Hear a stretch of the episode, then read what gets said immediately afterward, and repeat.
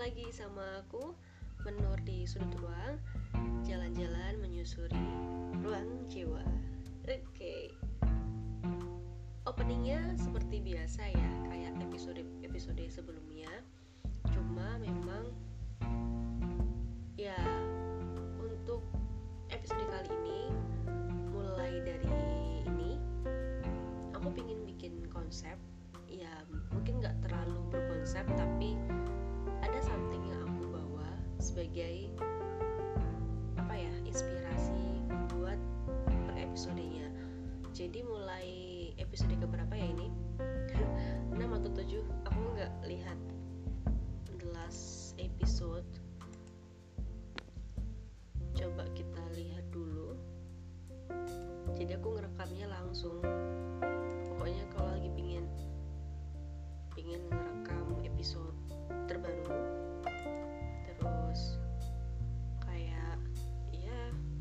udah. Ada momen ada kesempatan ada kesehatan.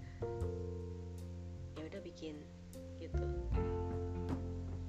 Nah jadi ini aduh lagi loading. Kalau nggak salah tuh ini episode ketujuh ya? Ya buat episode keberapa lah tapi ya yang penting isinya kan.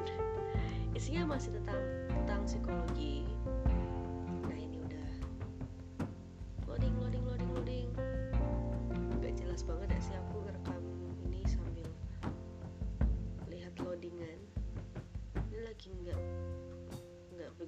bagus koneksinya malam-malam ini.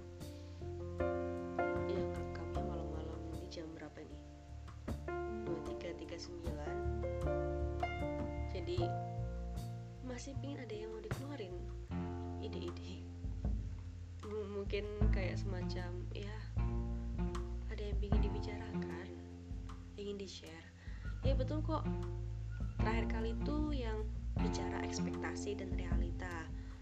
Episode 6 jadi ini episode yang ke-7 bisa dibilang ini menjadi awal season baru season yang kedua. Walaupun sebenarnya nggak ada rencana mau ada season baru season lama atau pergantian season per, per berapa episode nggak ada rencana karena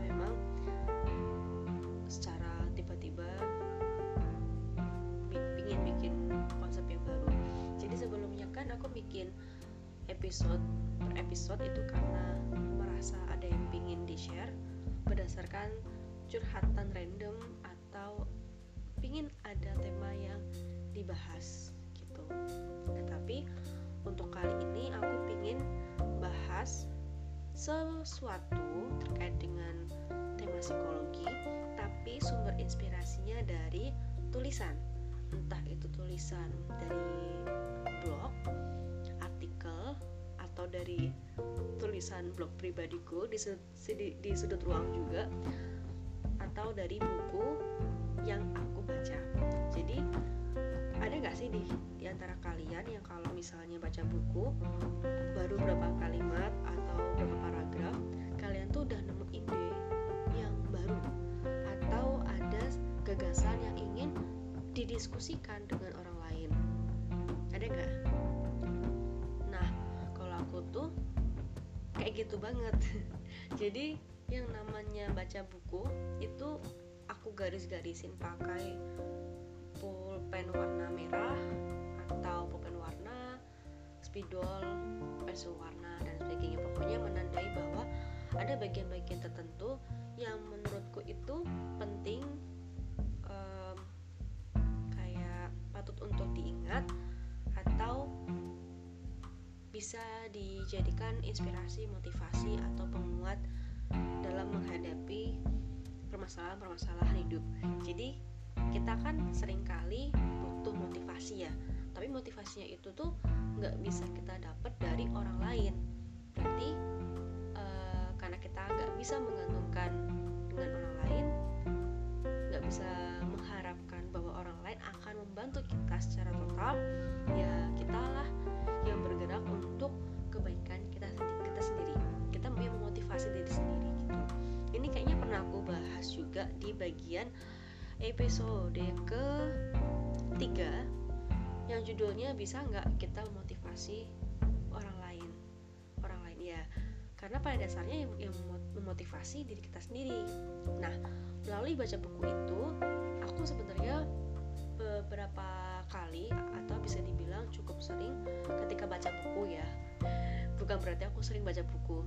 Ketika baca buku itu ada beberapa insight yang muncul bahkan cuma satu dua kalimat dari tulisan di buku itu. Jadi mungkin bisa satu buku sendiri banyak banget yang aku coret-coret kayak materi kuliah gitu. Sekalipun itu buku uh, non non fiksi yang populer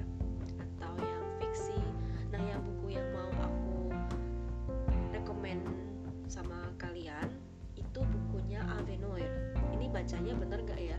Soalnya Avenoir ini katanya berasal dari bahasa Prancis. Jadi mungkin uh, kalau bahasa Inggris tuh pronunciationnya itu beda Avenoir Avenoir kalau aku bacanya pakai ala-ala bahasa Inggris jadi Avenoir ini buku karangannya um, Mbakku Urfa atau Teteh ya? Karena beliau orang Sunda kalau nggak salah itu namanya Kak Aceh Kak Urfa Kurota Aini ini Avenoir ini kumpulan cerita tapi yang saling terkait, saling nyambung gitu. Sebelumnya Kak Urfa ini juga uh, nulis buku nulis buku yang judulnya Mendengar Nyanyian Sunyi. Itu ya kurang lebih mencerminkan introvert banget kalau menurut aku. Bagus sih, cuma aku belum selesai bacanya jadi nggak bisa komentar banyak karena terlalu deep, terlalu benar terlalu banyak yang jelek. Pokoknya kalau yang introvert introvert merasa butuh teman ya itu buku bisa banget buat dijadiin teman. Itu sempat aku bawa-bawa juga sih pas lagi butuh motivasi atau butuh teman yang mengertiin aku banget yaitu bukunya aku bawa-bawa terus. Dulu berapa kali gitu. Biar aku kalau lagi bosan atau kayak down. Jadi kan karena aku dulu pernah depresi perlu ada yang menyemangati. Ya yang nyemangati siapa? Diri sendiri. Balik lagi ke diri sendiri. Oke okay. terus kalau yang Abenoir ini bukunya cerpen tapi yang unexpected banget ya itu ternyata cerpennya tuh psikologis banget. Maksudnya aku tahu uh, penulisnya itu orang orang psikologi ya lulusan psikologi. Tapi aku tuh nggak nyangka kalau bakalan sebagus ini gitu loh. Jadi kalau yang mendengar nyanyian sunyi itu kan tentang introvert dunia introvert tuh kayak gimana sih? Mulai dari uh, isi pikirannya kenapa dia bisa seperti itu secara fisiologis itu sempat dibahas sedikit gitu ya.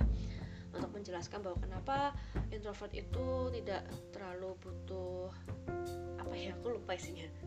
Dan daripada aku salah bahas yang isi itu sebenarnya aku mau bahas yang aminoid ini jadi aku nggak akan membahas pretelan-pretelannya atau membacakan satu persatu enggak. Cuma di sini ada bagian yang judul cerpennya salah satunya itu Rangga. Nah di bagian ini sejauh ini karena aku belum baca selesai bacanya belum selesai aku tuh sejauh ini terinspirasi banget dari judul yang Rangga ini. Intinya itu di situ ada dua uh, karakter di situ di mana karakter jadi oh ya cerpen tapi satu tokoh utama. Aku bukan penikmat novel fiksi atau karya fiksi dan aku nggak begitu mudah bentuk-bentuk fiksi itu seperti apa bagusnya kurang bagusnya. Nah bagi aku yang tidak begitu suka fiksi tapi uh, buku ini tuh bikin aku suka gitu. Bikin aku suka banget dengan buku ini buku ini aku jatuh cinta. Jadi ada yang namanya Da. Da Da. Da ini kayak perempuan paruh baya mungkin ya. Usianya aku belum tahu atau mungkin gak ada ceritain intinya si Da ini adalah seorang pendengar cerita. Nah di buku ini cerpennya itu satu persatu orang yang bersedia didengarkan ceritanya oleh Da ini. Terus di antara pendengar eh pendengar pencerita-pencerita ini ada yang namanya Rangga. Jadi ada cerpen judulnya Rangga, isinya itu si Rangga sama seorang gitu. Dan dua orang ini, dua tokoh ini yang diamati oleh Da di sini Da tidak mendengar tidak sebagai pendengar aktif dalam arti dia tidak menerima orang-orang uh, yang datang kayak Da aku ingin kamu mendengarkan ceritaku. Tuh bukan seperti itu. Lebih ke kayak Da itu ada di suatu situasi yang bikin dia itu terpaksa untuk mau nggak mau mendengarkan. Jadi istilah terpaksa pun tuh sebenarnya kurang tepat karena ada ini kan memang pendengar sekali dan dia tuh peka ketika melihat ada situasi yang kok seperti itu ya dia jadi kepo gitu kepo untuk belajar memahami uh, belajar kehidupan atau kalau memang dia bisa bersimpati atau berempati dia akan berempati sesuai dengan kebutuhan orang-orang yang bersangkutan. Nah, si Rangga ini di satu judulnya itu jadi tokoh utama di satu cerpen itu. Satu judul maksudnya. Nah, si Rangga ini konflik sama seorang uh, seorang seorang itu seorang penumpang kereta api jadi duanya berdua itu konflik konflik tapi ternyata ada dua sisi. Ada dua perspektif yang sebenarnya harus kita telah jadi si Rangga ini dimarahin sama si penumpang. Penumpangnya itu kayak marah-marah gitu bapak-bapak gitu. Marah-marah sama si Rangga ini. Rangga ini seorang pramugara. Pramugara tuh kalau yang nggak ngerti mereka itu yang biasa menawarkan makanan di setiap gerbong ini salah memberikan pesanannya si bapak-bapak ini. Akhirnya marah lah Nah kelihatannya dari luar si, si Rangga ini menangis. Tapi menangisnya tuh beda. Menangis kalau misalnya kalian di antara kalian sering atau sangat cermat mengamati orang lain dalam waktu yang lama berkali-kali menemukan orang yang berbeda-beda kalian berusaha memahami ya namanya tangisan seorang itu bisa beda beda makna beda arti dan itu tidak harus dia bercerita langsung. Nah ternyata Sida ini melihat Rangga itu menangisnya bukan menangis seperti dimarahi Tapi menangis apa ya gitu. Jadi cuma mencoba menerka-nerka Hingga suatu ketika dia menemukan fakta bahwa si Rangga ini sedang berduka gitu. Dan Sida ini bersimpat, bersimpati, berempati dengan Rangga ini Dia berempati kepada Rangga Dan ketika bertemu dengan bapak itu Sebenarnya dia tuh kayak dongkol Nah, tapi nggak lama setelah itu ternyata dan ini menemukan fakta juga bahwa bapak-bapak ini itu punya masalah pribadi juga yang nggak kalah menyesakkan hati yang bikin bapak-bapak ini tuh ternyata menangis. Jadi bapak-bapaknya itu menangis tapi ditutupi pakai ditutupi pakai kacamata hitam gitu. Jadi nggak kelihatan. Begitu dibuka itu mata bengkak semua. Nah, di sini yang aku suka adalah bagaimana Sida ini atau yang biasa menjadi pendengar cerita di dalam kumpulan cerpen Avenoir itu dia berhasil menemukan dua perspektif. Jadi ketika kalau di kehidupan sehari-hari ya kita lihat ada orang si B. Kita kan otomatis kita empatinya ke yang B ya? Eh yang ke A. Yang dimarahi yang dibentak diteriakin. Tapi who knows sebenarnya apa sih yang terjadi di B ini? Si orang B. Aku tuh dulu pernah punya uh, pengalaman. Jadi aku punya temen dia itu suka banget yang namanya intonasinya bicara tuh tinggi kebanyakan orang Sumatera mungkin ya Sumatera yang kayak bukan Batak sih. Ya aku kurang begitu paham juga orang Sumatera bagian tertentu tuh punya ciri khas ciri khas tersendiri atau enggak.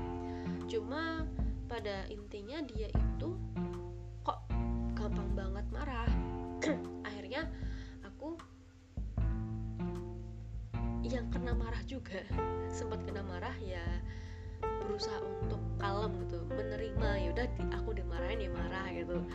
Aku merasa tidak tidak melakukan tidak melakukan banyak hal apalagi kesalahan ke dia gitu. Jadi aku berusaha mengamati dulu aja dia tuh gimana sih kok bisa marah gitu. Terus sampai dua semester kayaknya deh atau semester hampir semester lima gitu aku tuh kenal dia dari semester semester satu gitu semester satu terus mulai crashnya itu sekitar semester 3 kurang lebih. Dan selama 2, 2 tahun itu baru tahu kalau dia tuh punya sakit kepala. Nah orang sakit kepala itu kan pusing pening pokoknya tegang banget itu kan. Hawa itu hawanya emang pingin marah-marah apalagi apalagi kalau ada orang yang gak sesuai dengan keinginannya dia gak sesuai dengan harapan. Jadinya dia marah-marahnya makin jadi-jadinya gitu. Terus apa ya itu sih. Jadi ternyata orang yang uh, memarahi itu juga punya dinamika psikologisnya. Nggak bisa serta merta uh, eh, mentang-mentang dia yang seakan-akan dominan nih. Dialah yang salah. Itu nggak selalu. Jadi yang lebih banyak bersuara yang lebih banyak mengutarakan pendapat pokoknya yang terlihat dominan itu tidak selamanya adalah orang yang uh, besar hebat atau apa ya dominan paling berkuasa nggak selalu. Dia punya dinamikanya sendiri. Punya dinamika psikologis yang pasti berbeda dengan yang satunya. Tetapi walaupun berbeda yang perlu kita pahami adalah masing-masing punya um, pengalaman kesedihan Nah, di ceritanya ada ini masing-masingnya itu ternyata menangis. Tapi yang satu menangis ditunjukkan, yang satunya menangis diredam. Yang satunya menangis dengan diam, yang satunya menangis dengan aksi, dengan reaksi, dengan teriakan, dengan emosi yang negatif sekali, berlebihan gitu. Keduanya sama-sama sedang bersedih jadi ketika kita melihat situasi yang sebenarnya kita nggak tahu masalahnya mereka itu apa coba saranku kita diem dulu kita amati. Kalau memang ada waktu lebih kita boleh kok menyelidiki. Menyelidiki ini bukan semata-mata untuk mencari kebenaran tuh enggak tapi kita belajar sekaligus kita mencoba menghargai mencoba menjadi berada di samping mereka ketika mereka butuh. Karena terkadang mereka itu bisa gampang menangis atau gampang teriak-teriak gampang emosi negatif seperti marah kecewa dan sebagainya. Bisa jadi karena mereka belum menemukan orang yang tepat untuk mendengarkan atau berada di sisi mereka untuk beberapa saat ketika mereka butuh gitu. Jadi di sini kita uh, bisa nih coba menjadi seseorang yang berarti yang bermakna buat kehidupan orang lain di sisi lain kita juga bisa menjadi uh, orang yang semakin humanis semakin menyesuaikan uh, posisi bisa memahami konteks tidak tidak judgmental banget tidak menghakimi kita terutama itu bisa menjadikan kita tuh lebih bijak insya Allah. Mudah-mudahan seperti itu. Jadi di sini yang mau aku tekankan adalah um, jadilah orang yang mau memahami. Dan memahami orang lain itu akan sulit kalau kita enggak memahami diri kita dulu gitu. Sedikit sharing. Jadi dulu pernah uh, secara nggak sengaja waktu SMA teringat oleh saya olehku itu teman-teman itu beberapa temanku SMA ada yang datang ke aku cuma mau curhat atau minta saran. Nah nggak tahu kenapa yaitu misteri misterinya Allah ya misterinya Tuhan kita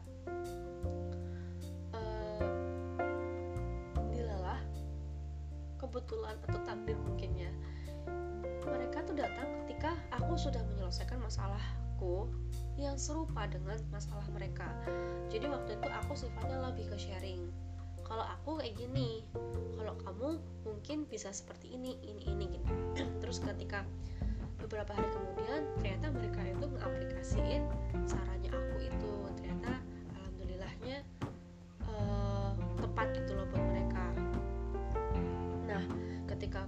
di, psikologi di psikologi itu aku nggak menemukan tidak begitu menemukan orang-orang yang seperti itu yang datang lagi buat say thank you atau eh uh, alhamdulillah sudah baik nih makasih ya gitu. Kayak belum ada deh.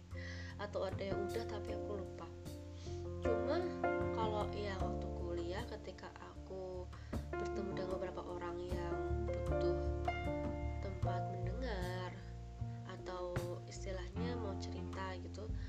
mereka lebih mungkin kayak merasa didengarkan merasa dipahami. Terus yang apa aku notice banget itu ketika aku sharing tentang depresi yang pernah aku alami mereka yang bipolar mereka yang depresi juga atau yang lain-lainnya mereka tuh merasa bahwa I'm not I'm not alone itu aku nggak sendirian mengalami masalah yang serupa.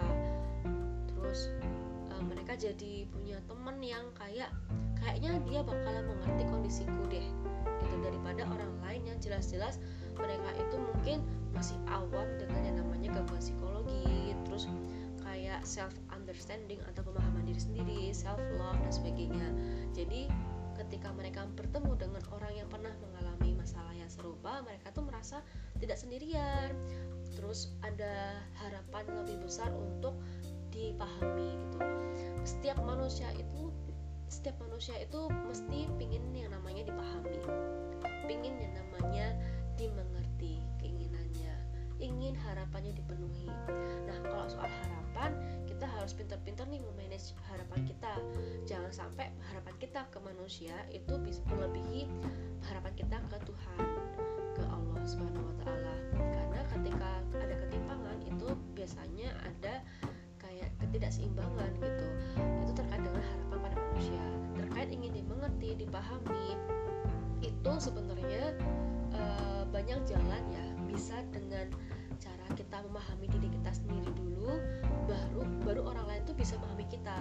Misalnya orang lain e, jadi temen curhat kita nih tapi kita e, mau curhat ke dia tapi kita bingung mau curhatin apa gitu ke orang lain jadi nggak paham kita tuh mau apa sih? Mau ngomong apa sih kamu gitu misalnya misalnya. Jadi kalau kita belum memahami diri sendiri kita nggak bisa memahami apa yang kita mau jadi dari diri ke sendiri untuk diri sendiri itu belum pak paham tuh apa yang mau aku pingin? Apalagi uh, orang lain.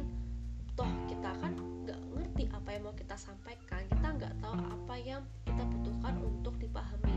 Kita nggak ngerti misalnya aku ini butuh kamu pahami dari segi materi misalnya duit.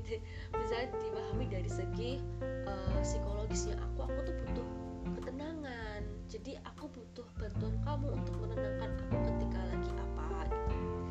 Jadi kalau kita nggak paham dengan kebutuhannya kita kita nggak bisa mengkomunikasikannya ke orang lain. Terus selain ada harapan kebutuhan itu sama kayak ya memahami kebutuhan tadi ya udah ya. Memahami pemahaman ya pemahaman sama aja sih. Gimana sih nurut gaji banget? Gitu.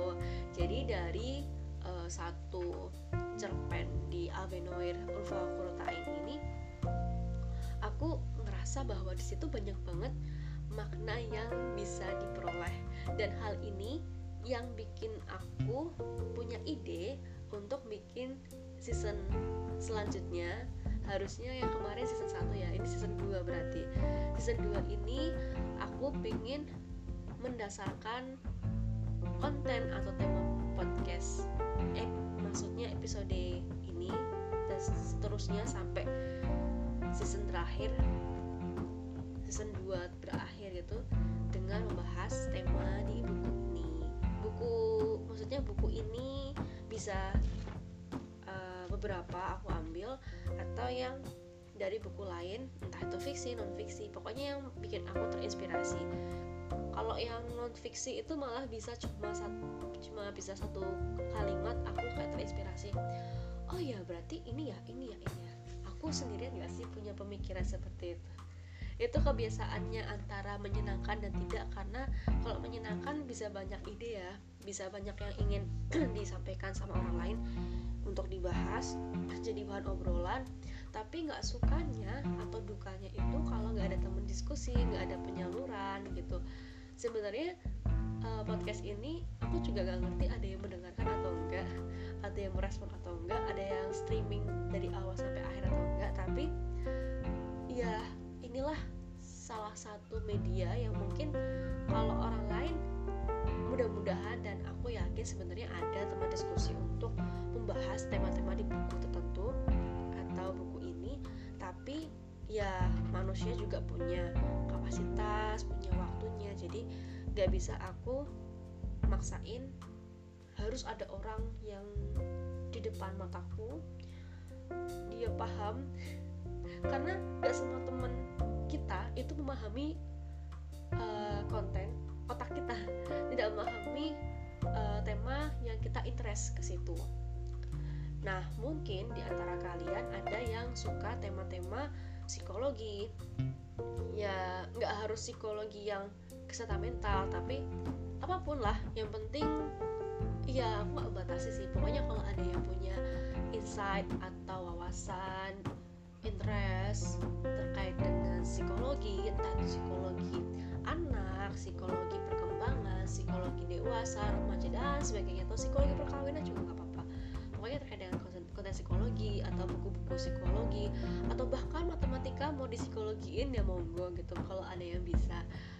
Uh, aku suka banget yang namanya sharing apalagi mendengarkan perspektif dari orang lain orang lain itu buat aku memperkaya wawasan banget dan juga merekatkan tali silaturahmi gitu. Jadi kalau ada yang mau uh, sharing atau kontak atau ya cerita-cerita bisa kontak ke at sudut ruang podcast di Instagram gitu. Iya di situ aja. Di situ aja soalnya ya terkait dengan podcast sudut ruang kan ada akunnya sendiri. Jadi kalau misalnya mau mau kontak ya tadi. Udah jangan diulangi lagi nanti berbelit-belit. Oke. Okay. untuk kali ini kita udahan dulu. Semoga next time ada kesempatan ada tema yang mau dibahas. Jadi kita bisa sharing-sharing lagi di sudut ruang jalan-jalan menyusuri ruang jiwa. Bye bye